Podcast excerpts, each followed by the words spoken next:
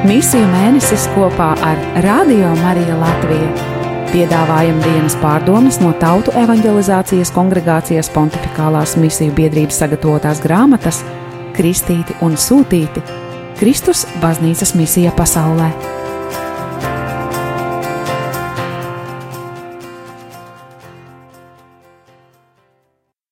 18. oktobris. Piektdiena, parastā liturģiskā laika 28. nedēļa. Svētais evaņģēlists Lūkas. Svētki. Svēto rakstu lasījumi. Otrā vēstule Timotejam, 4. nodaļa no 10. līdz 17. pantam, 145. psalms un Lūkas evaņģēlija desmitās nodaļas pirmais līdz devītais pants.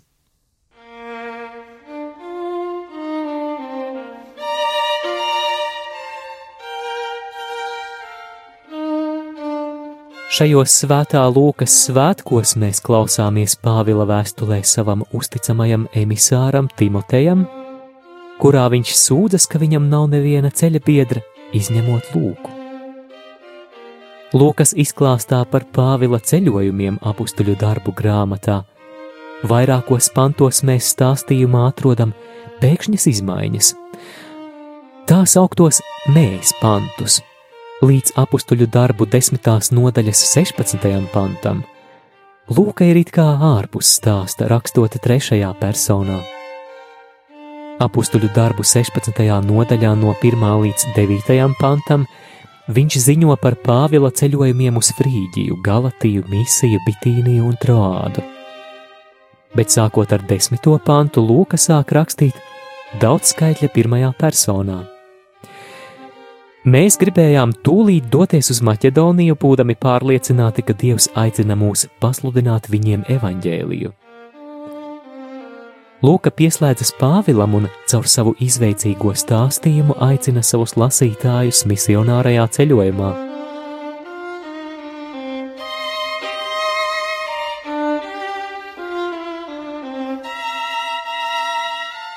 Sava evaņģēlija sākumā Lūka atklāja nelielu detaļu par sevi. Viņš raksta, ka viņš iepazīstina ar notikumiem, kas norisinājušies mūsu vidū, tā kā tos mums ir atstāstījuši to pirmie aculiecinieki, kas bija kopā ar Jēzu kopš viņa publiskās kalpošanas sākuma. Salīdziniet Lūkas evaņģēlīja pirmās nodaļas pirmo un otro pantu. Šajā ievaddaļā Lūka savai auditorijai atklāja, ka pat ja arī viņš nav tieši sava piedāvātā stāsta liecinieks, evaņģēlists ir daļa no topošās kristiešu kopienas, pateicoties to cilvēku personīgajām liecībām, kuri personīgi bija dzirdējuši Jēzus sludināšanu un piedzīvojuši viņa krustā sišanu un augšām celšanos.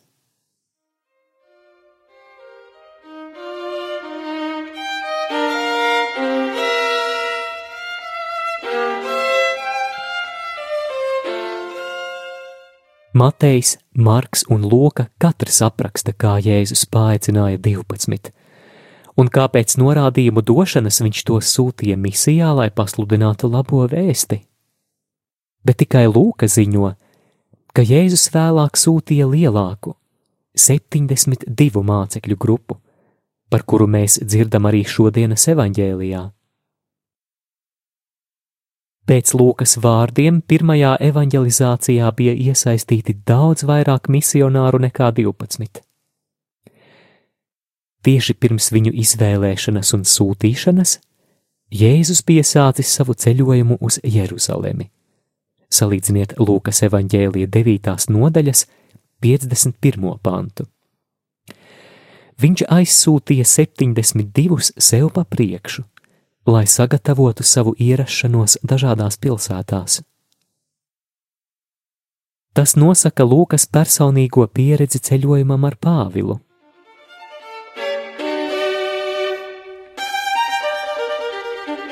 Šī 72 vai saskaņā ar dažiem manuskriptiem 70 nosūtīšana ir kā modelis kristiešu misionāru aktivitātēm visās tautās.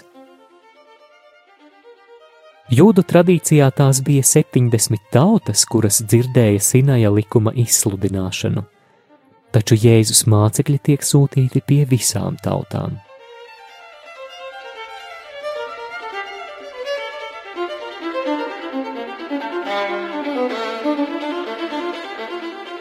Šodienas liturģijā lasītais fragments apustulātu atspoguļo valstības un tiesas atklāsmi kā tādu, kas jau pasaulē ir klātesoša. Lūkam nav nepieciešams Izrēlam ziņot par valstības diženumu, bet gan tautām jāpasludina, ka valstība ir tuvu. Evanģēlists raksta laikā, kad visās tautās jau ir augšām celtā Jēzus liecinieki.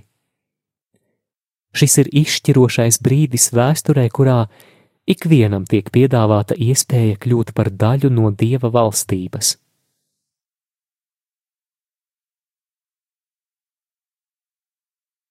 Metode, raksturs un perspektīvas misionārajam darbam, ko veic 72 mācekļi, ir līdzīgas kā 12 mācekļiem.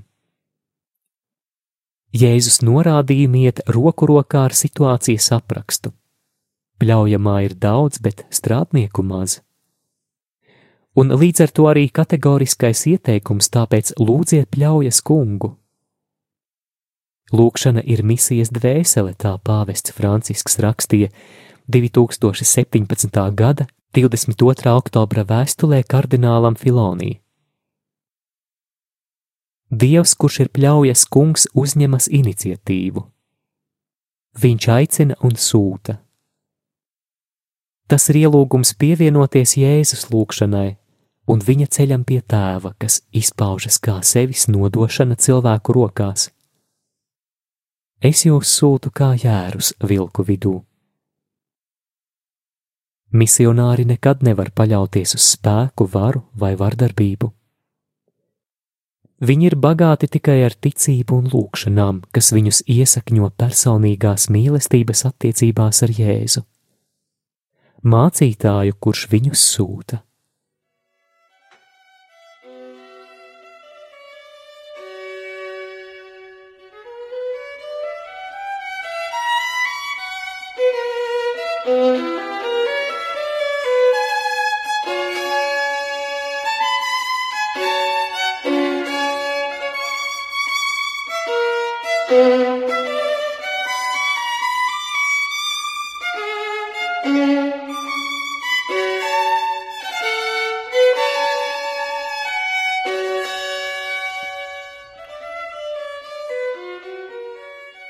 Nabadzība, kas ir sākumā, kļūst par pamatu un zīmi viņu brīvībai un pilnīgai sevis veltīšanai tam vienīgajam uzdevumam, kas viņus atbrīvo no jebkādiem šķēršļiem vai kavēšanās.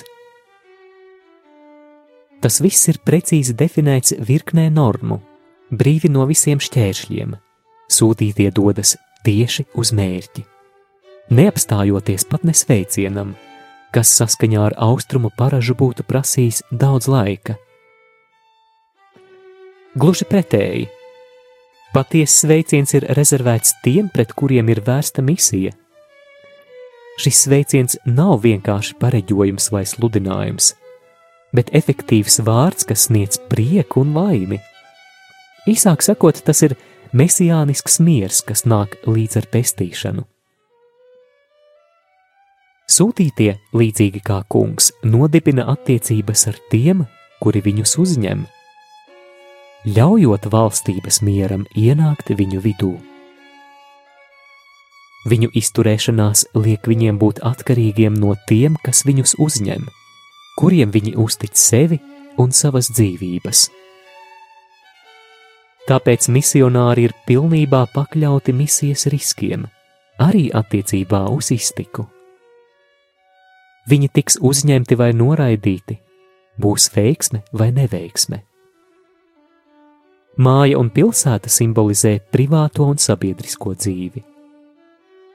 Tie, kas ir sūtīti, ir atkarīgi no to viesmīlības, kuri uzklausa viņu vēsti, bet nekas nevar viņus apturēt vai kavēt misijas veikšanu. Tie ir misionāri, kas nes pēdējo un steidzamo pestīšanas iespējas aicinājumu, kam jāsasniedz visu ausis, visu sirdis, neatkarīgi no tā, ko tas prasa.